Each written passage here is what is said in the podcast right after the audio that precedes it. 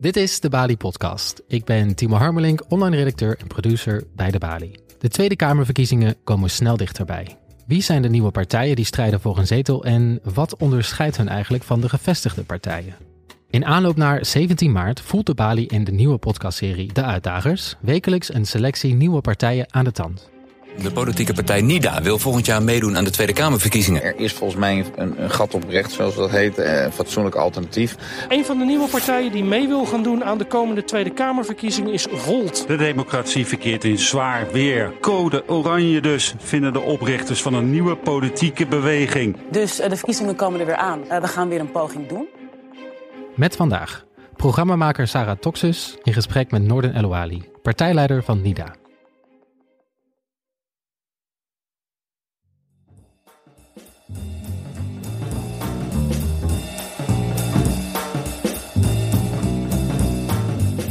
Noorden Elouali, fijn uh, dat u er bent. Lijsttrekker van NIDA. Het zijn uh, spannende tijden de komende maanden. Jullie hebben, als het goed is, alle handtekeningen binnen.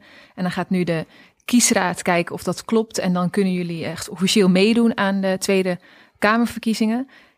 Erg fijn dat u er bent en fijn dat u dit gesprek uh, met mij wil voeren.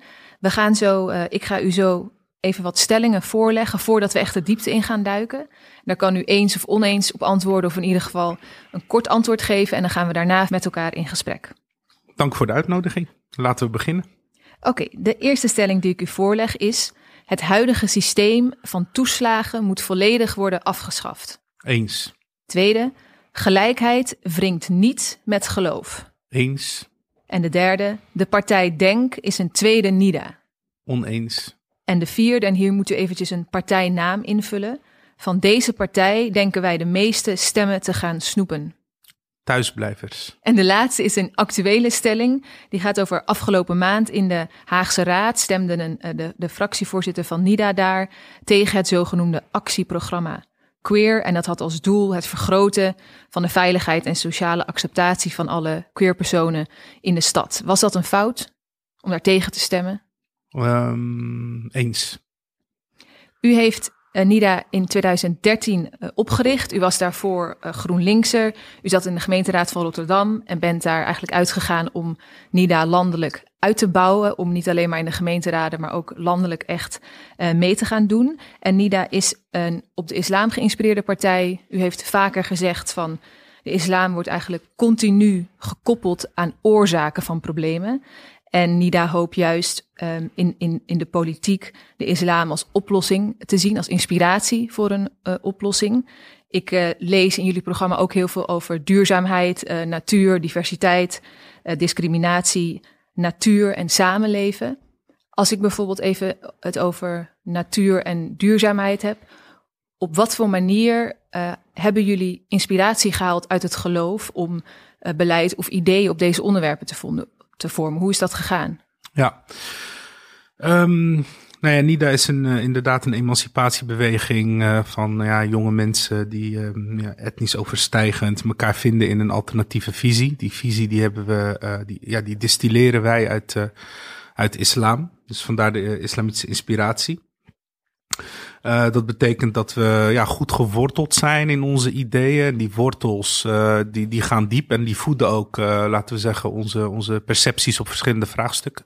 Heel holistisch, dus niet ja, per probleem gericht, maar heel, heel breed en holistisch benaderd. En die wortels van ons die um, bestaan uit drie elementen. Dat is één, het menselijke geweten, waar een, ja, een ieder van in bezit is waarvan wij zeggen dat uh, die in de diepste ook verbonden staat met, met uh, de bron van ons bestaan. Of formuleer het hoe je het wil. Want menselijk geweten, als dat functioneert, dan is dat een goed kompas. Um, de tekenen in, in, in de natuur. En uh, dat is ook aansluitend op jouw vraag, meer dan ongeveer 70% van, van wat er in de Koran staat, maar ook in andere geschriften, handelt over de natuur. Handelt over ecologie en de heel, het heelal en, en de wereld en alles wat we om ons heen zien. Dus dat is een enorme bron waar je uit kan, kan tappen. Um, en uh, tot slot uh, halen we onze inspiratie uit de verhalen van, van de profeten, van Abraham, Mozes tot aan, uh, aan, aan Mohammed, vrede zijn met hen allen.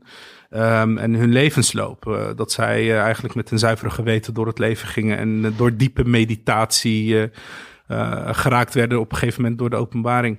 En ook daarin zitten lessen of inspiratievolle inzichten die je kan gebruiken om hedendaagse uitdagingen ja, te benaderen. En ik zei net eerst, u, zei, u zegt vaak van het, het geloof, de islam wordt vaak gekoppeld als een probleem. Hoe gebruik je dit dan juist om een positieve bijdrage te leveren, om te laten zien uh, dat de islam ook kan zorgen voor positieve inspiratie. Ja, ja inderdaad. We zeggen van twintig jaar lang is er een generatie opgegroeid die um, um, is geconfronteerd met een politieke klimaat waarin islam en moslims uh, en diversiteit ook uh, werden gepresenteerd als probleem, als onwenselijk probleem of erger. En wij hopen dat, er, ja, dat we nu weer voor een paradigma shift staan waar de komende twintig jaar het kan bijdragen als inspiratie aan de oplossing. En als je het mij vraagt, leven we nu in een periode waar eigenlijk populisme echt hoogtijd tijd viert. ideologie is door bijna elke partij echt losgelaten. Dus het is veel meer, ik zeg ook wel eens, een van de machtigste Nederlanders vandaag de dag zijn, zijn figuren als Maurice de Hond en andere peilingsbureaus. Op het moment dat zij zeggen dat 70% van Nederland zus vindt, dan krijg je tien varianten van zus. Uh, in de Nederlandse politiek. Dus het is echt onderbuikgericht en heel erg uh, ja, hedonistisch behoefte bevredigen. Dat is, dat is waar iedereen zich voor inzet. Terwijl ik van overtuigd ben dat ja, tijd is voor geloofwaardig politiek, moreel leiderschap. En als je dan de vraag stelt van wat is van oudsher al het domein van ethiek? Hè? Wat is goed, wat is kwaad? Dat is van oudsher altijd uh, domein van theologen en filosofen geweest. En ik vind dat dat volledig, volledig uh, en steeds meer op de achtergrond raakt in onze moderne samenleving. En wij zien daar wel de meerwaarde van in. Om niet te doen wat, wat populair is, maar te doen wat juist is. En daar heb je iets van een fundament voor nodig. En dat zou heel goed uh, bijvoorbeeld ja, terug kunnen. Kan je dat vinden in de theologie of filosofie? In ons geval is dat specifiek islam geïnspireerd. Maar zeg ik er ook bij. Um, de islamitische inspiratie betekent niet alleen maar dat je die in de Koran terug kan vinden of in de levensloop van profeten. Het kunnen ook uh, ja, lumineuze ideeën zijn van wetenschappers en andere schrijvers. Neem iemand als uh, uh, Thomas Piketty bijvoorbeeld, die ja, een prachtig boek heeft, heeft gepresenteerd, Het Kapitaal, ja, met, met prachtige inzichten die ik helemaal in lijn vind met bijvoorbeeld beginsels in de islam of uitgangspunten in de islam. Ja, Rutger Bregman zag ik ook Rutger voor jullie, Bregman, dat ja, het goede vanuit het mens, dat elk, elk mens eigenlijk hè, niet, niet een heel positief mensbeeld. Wij geloven ook dat er heel veel goed zit in ieder mens. En dat dat het vertrekpunt is en niet andersom. Dus dat zijn allemaal zaken die heel erg in lijn zijn met bijvoorbeeld volgens ons de islamitische inspiratie. Maar het kan ook een hoogleraar zijn als, uh, ik noem maar iemand, uh, Willem Schinkel, niet geheel toevallig. Ik kom uit Rotterdam, hij is ook aan uh, Erasmus Universiteit verbonden. Dus in deze stad dat te noemen vind ik ook wel leuk. Ja. Ja, ik, inderdaad, dat ageren tegen uh, populisme uh, las ik ook heel veel in jullie programma. En als ik kijk naar bijvoorbeeld qua duurzaamheid, uh, leek het best wel op wat voorstellen die GroenLinks heeft. Mm -hmm. als je kijkt naar religie of geloof, een beetje ChristenUnie, discriminatie, best op denk. Wat, wat, wat voegen jullie dan nog toe? Nou, NIDA is niet in een hokje te vangen. Dat is één. En je kan hier inderdaad op op deelpunten zie je raakvlakken, gelukkig maar. Want je moet altijd ook zorgen dat je uh, gelijkgezinten uh, vindt uh, die elders georganiseerd zijn. En daar ook proberen samen mee op te trekken op, op verschillende punten, naar gelang het vraagstuk. Dus het is niet raar dat je overlappingen hebt inhoudelijk. Ehm, ja, waar onderscheiden jullie je op, zou je zeggen? Nou, absoluut in, in, in, in, in de wijze waarop wij naar het geheel kijken. Dus niet naar deeloplossingen, maar hoe wij de samenhang in alles zien. We hebben een, een visie die samenhangt. En uh, nou, je noemt een voorbeeld van GroenLinks, maar je kan ook het ChristenUnie noemen op duurzaamheid. Zijn ze ook echt keisterk, vind ik. Wat ik heel positief mhm. vind, want ik vind het een van de belangrijkste vraagstukken. En misschien zitten we wel inmiddels op een point of no return. Zo voelt het voor mij heel erg en steeds meer. Mm-hmm. Dus ja, uh, die Kunt je een voorbeeld noemen van, van die samenhang? Waar komt dat bij jullie bijvoorbeeld bij een voorstel of bij een idee in voor? Nou ja, dat je zaken niet geïsoleerd moet benaderen. Als we het hebben bijvoorbeeld over uh, ja, klimaatprobleem, dan staat dat absoluut ook in verband met onze manier van leven. verspilling, welvaartsziektes, maar ook onze economie en, en, en ja, de zielloze kapitalisme, wat al heel lang domineert. Ja, dat zijn allemaal aspecten waar je op al die aspecten moet je acteren. En je moet dat niet echt op, alleen maar op fijnstof gaan lopen, uh, blind staren op hoeveel procent dat naar beneden moet of zo. We moeten echt, echt, denk ik, een radicale hervorming uh, uh, gaan zoeken met z'n allen. En daar heeft Nida zeker ook ideeën op. Dus dit is, dit, wat Nida doet, zijn vaak niet kommaatjes of puntjes zetten bij bestaand beleid. Maar wij zeggen vaak waar, waar niemand aan denkt. Hè, en brengen een totaal andere perceptie. En en kiezen daarvoor vaak ook niet voor een simpele oplossing, maar echt wel voor een hervorming. Althans, daar pleiten wij voor. Dus dat betekent dat we de zaken echt radicaal anders willen mhm. gaan doen. En nou wil ik niet zeggen dat wij de enige daarin zijn, maar ik denk dat je het beste kan vergelijken met bijvoorbeeld een Partij voor de Dieren, die weigert in dat neoliberale uh, kapitalistisch systeem uh, uh, ja, kommaatjes te gaan verzetten. Maar die zegt er is ook nog een alternatief. Mhm. Nou, daar hebben wij ook een verhaal op. En soms raakt dat elkaar en soms verlies je elkaar ook. En ik denk dat dat het uh, onderscheidend vermogen is wat wij aan tafel brengen. Ja, zieloos kapitalisme brengt mij even bij iets, een opvallend punt wat ik vond in jullie uh, programma. En dat is namelijk een ministerie voor mens en geloofwaardigheid, wat jullie willen opzetten, eigenlijk als tegenhanger van het ministerie voor Financiën. Wil je even heel kort uitleggen wat dit nieuwe ministerie zou zijn en doen? Nou, heel kort uitgelegd is dat nu bijna al het beleid uh, wordt getoetst aan financiën. Het ministerie van Financiën is het meest machtige ministerie van, van alle ministeries die we hebben. Dus op het moment dat wij iets willen bereiken of, of, of uh, iets willen bewerkstelligen, dan is de eerste vraag wat kost het en kunnen we dat betalen. neem, neem even korte voorbeeld. Voorbeelden helpen vaak goed om dingen inzichtelijk te maken. Neem bijvoorbeeld studiefinanciering en de afschaffing daarvan. Dat was niet zozeer geredeneerd vanuit wat is het beste voor talentontwikkeling? Maar het was geredeneerd vanuit een budgetperspectief. Hoe, hoe, ja, hoe kunnen we dit nog betalen? En dan zie je dat het ministerie van Financiën het altijd wint. En wij, wil, en wij vinden dat een doelverschuiving. Je zou anders moeten kijken. Je zou een ministerie voor geloofwaardigheid. Dus in die zin um, moeten alle, alle voorstellen één getoetst worden aan mensenrechten en aan de grondwet. Dat gebeurt nu ook niet, want dat, voldoet, dat helpt de geloofwaardigheid van de politiek in de hand. Nu worden er heel veel dingen geroepen die eigenlijk niet uitgevoerd kunnen worden. Maar heel veel mensen, ja, die, dat maakt niks uit. Kijk maar ook naar Trump, hè.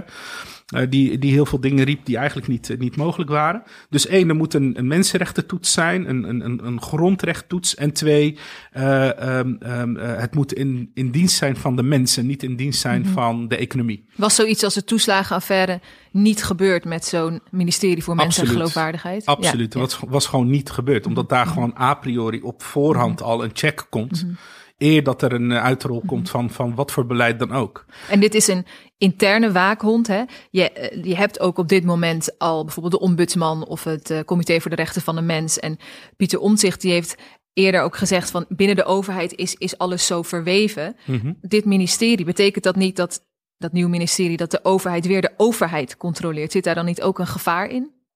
Um, uh, ja, behalve dat, dat, de Kamer hier ook een rol in heeft natuurlijk. En, uh, en wat, je, wat je nu ziet en wat ook het probleem is van het huidige systeem, is dat er uh, eigenlijk in uitvoer en, en, en, en controle, toezicht, zeg maar, dat, dat, dat dat een soort van symbiose is geworden. Dat het coalitiedenken zo oppermachtig is dat je altijd wel meerderheid hebt in de Kamer. En je moet, je moet een instantie hebben die eigenlijk losstaat van alles en nog extra haar ja, uh, op zichzelf haar werk kan doen ten behoeve van bijvoorbeeld geloofwaardigheid en menswaardigheid.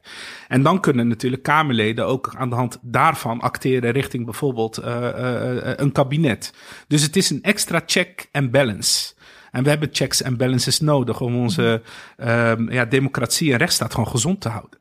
En het voorbeeld wat je net gaf, uh, als het gaat om die toeslagenaffaire, ja, dat is weer zo'n budgetvraagstuk. Wat totaal doorschiet in, in, in, in diepe wantrouwen. En, en een mensbeeld wat gewoon eigenlijk gewoon heel kwalijk is. En misschien zelfs racistisch, als, je, als, als ik het zo mag noemen. Uh, dat mensbeeld heeft zo erg gedomineerd en is zo doorgecijpeld dat het bijna normaal is geworden. Nietzsche zei. Uh, uh, krankzinnigheid bij een enkeling komt, komt zelden voor, maar is in groepen regel. Op het moment dat iedereen iets normaal gaat vinden, dan valt het niet eens op. Mm -hmm. Op het moment dat iedereen vrouwenbesnijdenis normaal vindt, dan is niemand die denkt van is dit misschien niet raar. En op het moment dat we met z'n allen carnaval gaan vieren en gek doen, dan is niemand gek aan het doen. Dan is dat gewoon normaal. En zo kan een racistisch, kwaadaardig beeld wat uitgaat van wantrouwen op een gegeven moment normaal worden, ook in onze instituties. Daar geloof ik heilig in.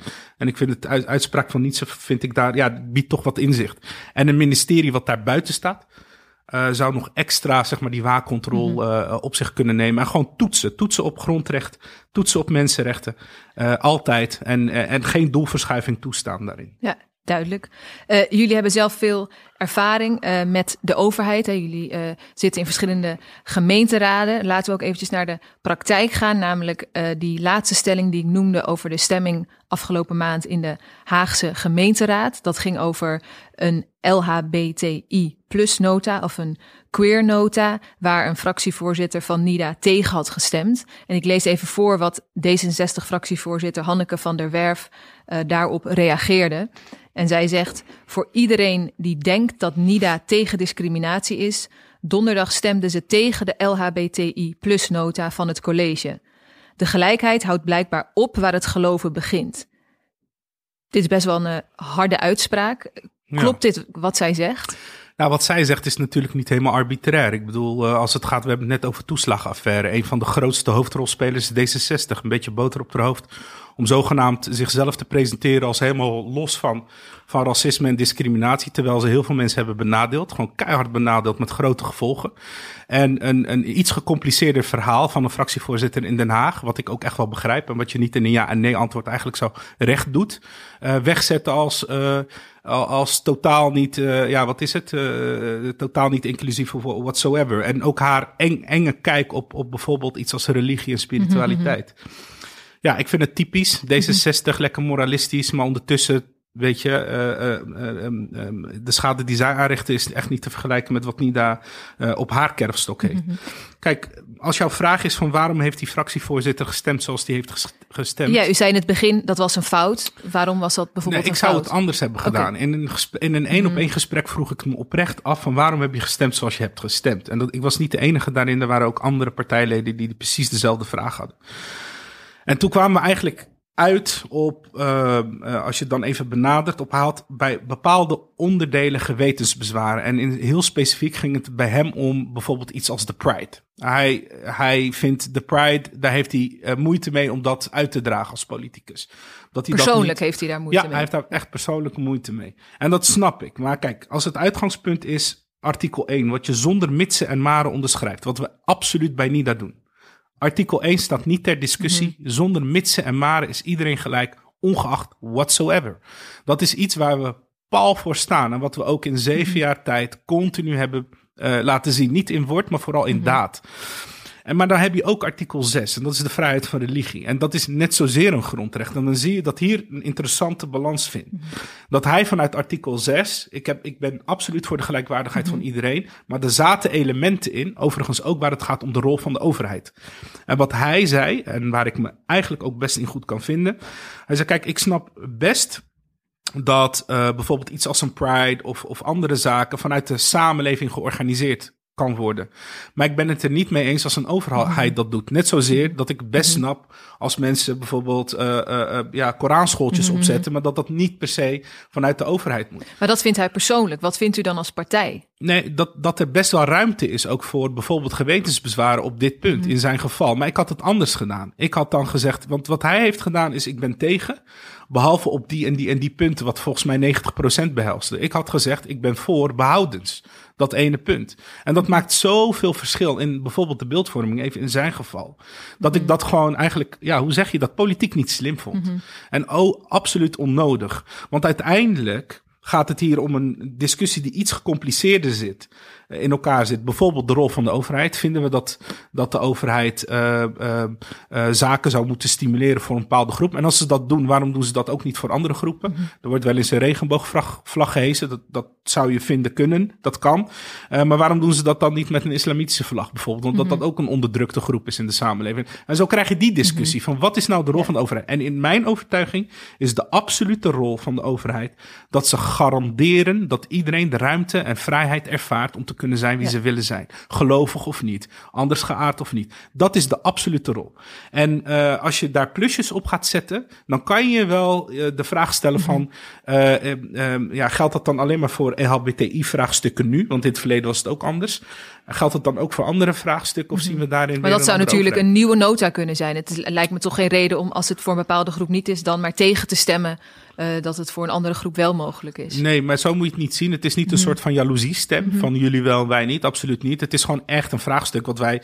eh, wat is onze kijk überhaupt op de overheid? Wij, Mhm. wij kijken, als het gaat om de persoonlijke levenssfeer, zien wij eh, het liefst een kleine overheid. En als het gaat Mhm. om het garanderen van de ruimte, persoonlijke vrijheden, et cetera, dan zien wij graag een actieve overheid. En, en daarin kan je, kan je inderdaad heel veel discussies voeren. Wel een kerstdiner, geen iftar. Ja, oké, ja waarom wel of niet? Mhm. Scheiding kerk en staat, allemaal dat soort ingewikkelde discussies. Het gaat er mij om eh, dat ik probeer inzichtelijk te maken wat zijn afweging was. Ja. En dat ik daar een andere kijk op Ja. had. En, het, en, en maar ook begrip heb voor bijvoorbeeld artikel Mhm. 6. Dat hij zegt, ja hier kan ik het voor mezelf Ja. even niet rijmen. En zegt dat niets met betrekking van hoe ik met mijn eh, medeburger om wil gaan. Hoe ik me tot mijn medeburger verhoud. Namelijk, ik respecteer ze en die vrijheid eh, eh, eh, verdedig ik net zo hard. Want al die zaken heeft hij wel eh, ondersteund en ook Mhm. Het heeft ook wel voor wat discussie gezorgd binnen de partij. Ik zag dat er twee of drie mensen, drie leden ook zijn weggegaan. Eén iemand had het volgens mij al eerder bedacht, maar het heeft wel ook wat voor wat in- interne discussie gezorgd, wat lijkt me ook gewoon heel gezond is. Ja, interne discussie hebben we ab- absoluut. En daar is ook alle ruimte voor. Eh een van de uitgangspunten binnen NIDA. En we hebben echt een hele actieve en levendige eh, eh, debatcultuur. Hè. Het ALV is bij ons echt het hoogste orgaan. Dus in die zin heeft niemand het voor het zeggen. in zijn eentje of in haar eentje. En dit is wat gecompliceerder waren twee dingen. Eén, je kan stilstaan bij het standpunt, maar je kan ook in dit geval vraagtekens zetten bij hoe het standpunt tot stand is gekomen. Er was onvoldoende communicatie in die fractie en dat lag echt niet aan dit punt. Het is een soort van scheefgroei vanaf het begin en daar is ons bestuur ook Ja. nu inmiddels mee bezig. Volgens mij ook echt wel eh, vlot getrokken, gelukkig. Want het ging om gebrek aan communicatie, eenzijdig handelen. Ja, Maar ja, ja. als je spreekt, spreek je ook namens een fractie. En eh, dat, ja, dat werd niet eh In het, in het vervolg zouden jullie dit anders doen, kortom. Nee, absoluut, absoluut. En weet je, we zijn een, een jonge partij. We zien Mhm. ook alles als eh, eh, kans en mogelijkheid en, en les. Dit is ook zeker een les. We Mhm. groeien keihard. Eh, en die weg, mm, ja, die is hobbelig. En dit is een van die Mhm. hobbels waar je echt van kan leren. En dat doen we ook. Want we hebben wel ook nu intern gewoon een goed gesprek Ja. met elkaar van, ja, hoe, hoe, hoe kijken we Ja. hier tegen? Ja. En wat doe je dan met dit soort situaties? Afgelopen jaar zag ik u aan tafel bij de talkshow De Nieuwe Maan. En het ging toen over de aanslagen in Parijs, de moord op Samuel Paty. Op een gegeven moment zei u, ik mag alleen maar aanschuiven als het over verdomde aanslagen gaat. Daar maak ik me oprecht boos over. Moslims in al hun kleuren worden niet gezien. Ja. Hoe komt dit? Ja, dat is toch eh, medialogica, denk ik. Echt hoe redacties werken. Ik weet precies wat ik moet zeggen om aan tafel te komen. Ik weet precies eh, wat ze zoeken in een voorgesprekje, of je wel of niet wordt uitgenodigd. En eh, eh, heel soms eh, ehm, ga je daarin mee en kan je dan eenmaal aan tafel je, je een eigen draai geven of je eigen verhaal alsnog Maar gaat u dan met tegenzin daar naartoe? ik ga met een zelfbewustzijn daar naartoe. Wetende in wat voor frame ik al zit. Wetende dat waarschijnlijk iemand van extreem rechts tegenover mij wordt gezet. Mhm. En het impliceert wie ben ik dan, zogenaamd de andere extreem. Weet je, het zijn allemaal zulke, zulke zaken die ik in de afgelopen zeven jaar... dat ik een beetje in, de- in, in, de- media af, wordt uitgenodigd... eh, zo op voorhand kan uittekenen bijna. Het is zo'n armoede. En het is ook echt onderdeel van het probleem... eh, als het gaat om onze kijk op bijvoorbeeld pluriformiteit en, en, en, en andere zaken. En als het ook voor een deel wat mij betreft kan verklaren... van waarom zijn we toch zo verdomde eh, eh, rechts georiënteerd geworden als, als land. Want je zou ook kunnen zeggen, juist als u wordt uitgenodigd, los, dat het, los ervan dat het niet leuk is als u alleen maar voor die onderwerp wordt uitgenodigd, maar dat het ook een kans is om uw rol als eh, politiek leider van NIDA juist die discussie te keren en juist te laten zien dat u, wat u zegt, eh, moslims van verschillende kleuren, ideeën, meningen zijn en juist dat onderwerp naar je toe te trekken. Ja, maar ik- het maakt me wel eendimensioneel. Waarom eh, zou ik met mijn achtergrond en met mijn profiel het niet mogen hebben over bijvoorbeeld iets als een fileprobleem? Alsof ik niet in de file sta.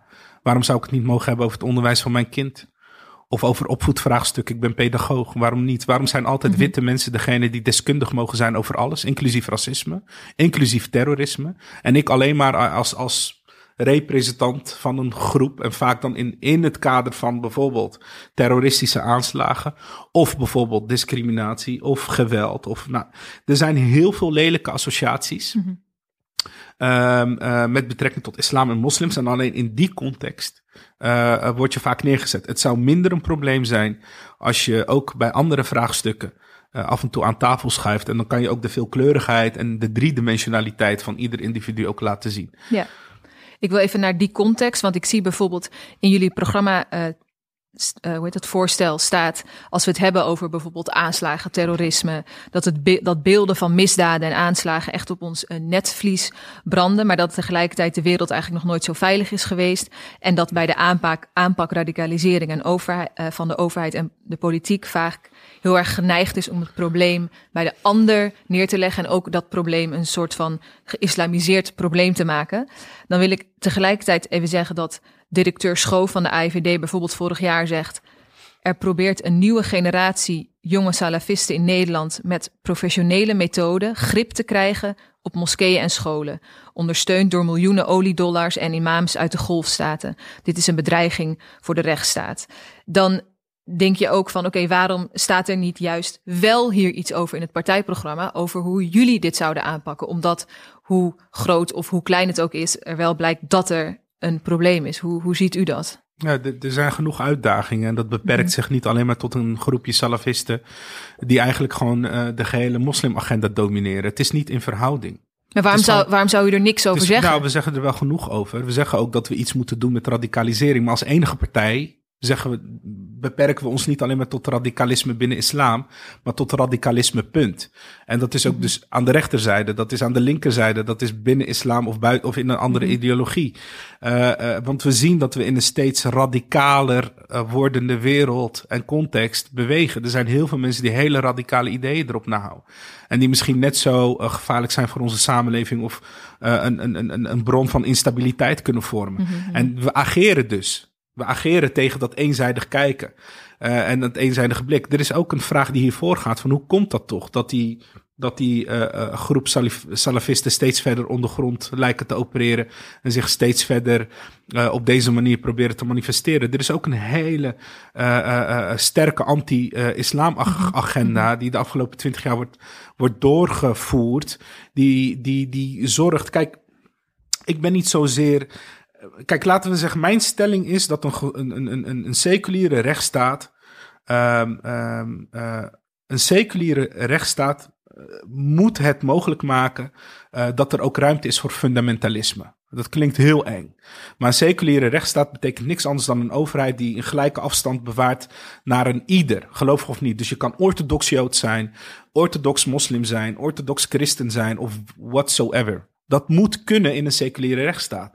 Omdat seculariteit betekent niet dat we de samenleving ontdoen van geloof. Maar seculariteit betekent dat we een neutrale overheid hebben. En niet een anti-religieuze overheid. Dat is vaak wat de interpretatie is. Daar, daar verzet, als, als daar ruimte voor zou zijn, wat zou moeten kunnen? Want ieder mens is vrij. Het is trouwens een mensenrecht ook om te kunnen geloven hoe je wilt mhm. geloven. Daar heeft geen enkele overheid uh, ruimte in om dat voor jou te bepalen hoe dat moet. Um, dat, dan geloof ik veel meer dat onze samenleving uh, stabieler en, en harmonieuzer en veiliger zou zijn. Het is op het moment. En dat kan schuren. Mm dus, ik, dus dat kan polarisatie opleveren. Maar polarisatie is niet het gevaar. Het echte gevaar is um, het ontbreken van rechtvaardigheid. Op het mhm. moment dat er steeds meer maatregelen worden genomen. Mm -hmm om zogenaamd een bepaald gevaar te tackelen. En wat kan leiden dat je een bepaalde groep gevoelsmatig benadeelt ten opzichte van de rest. Structureel benadeeld ten opzichte van de rest. Er zijn heel veel wetgevingen die nu doorgevoerd worden specifiek op groepen. Neem niet op de laatste mhm. plaats bijvoorbeeld iets als de wet op uh, gezichtsbedekkende kleding. Dat is zo verregaand en zo disproportioneel. Um, en, en, voor een groep voelt dat ook zo onrechtvaardig. Mm -hmm. Als je dat structureel blijft doen, dan kan dat leiden tot radicalisering. dan voed je dat, ja. Ja, ja en dan kan dat leiden tot verzet. Ja. Uh, dat, dat begrijp ik. En structurele benadeling lijkt me inderdaad niet de bedoeling en iets uh, uh, waar men tegen zou moeten zijn. Tegelijkertijd zegt u zogenaamd gevaar.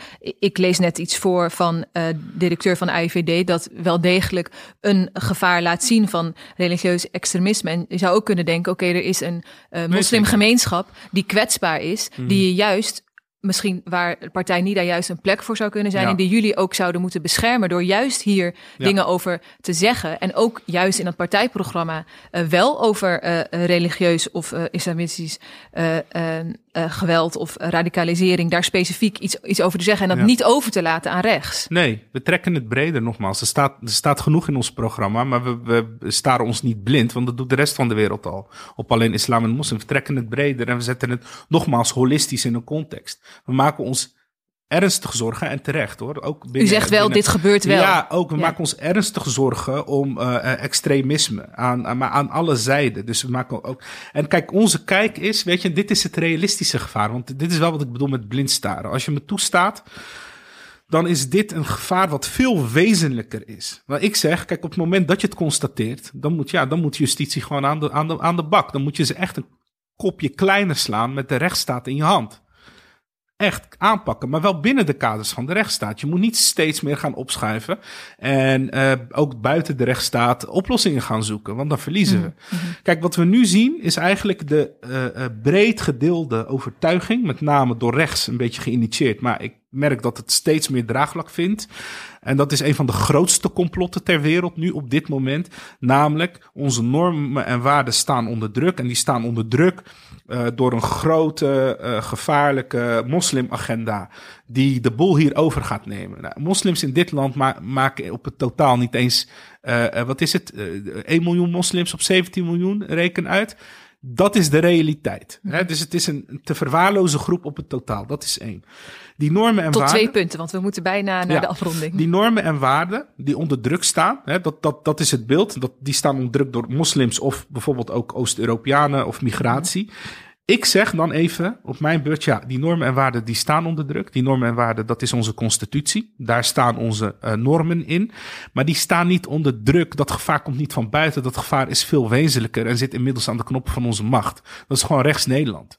Die voorstellen doen, die haak staan. We hebben politieke partijen die willen naar 0% moslims. Hoe, hoe, hoe, wil je dat mm-hmm. bewerkstelligen? Hoe ziet Nederland er dan uit? Hoe ga je dat doen?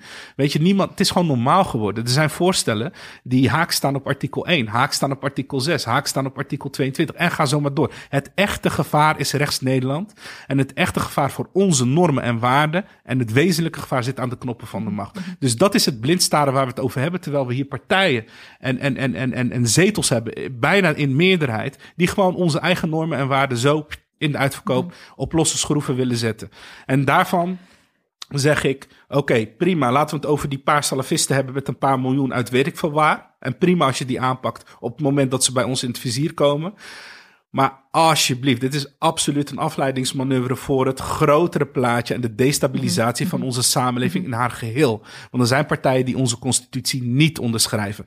Dit programma bestendigt onze constitutie. VVD, moet je maar aan juristen vragen, deken van juristen, die zeggen gewoon: het programma van VVD is op een aantal punten problematisch als het gaat mhm. om de, om de rechtspositie van minderheden in ons land. Ik ga u nu onderbreken.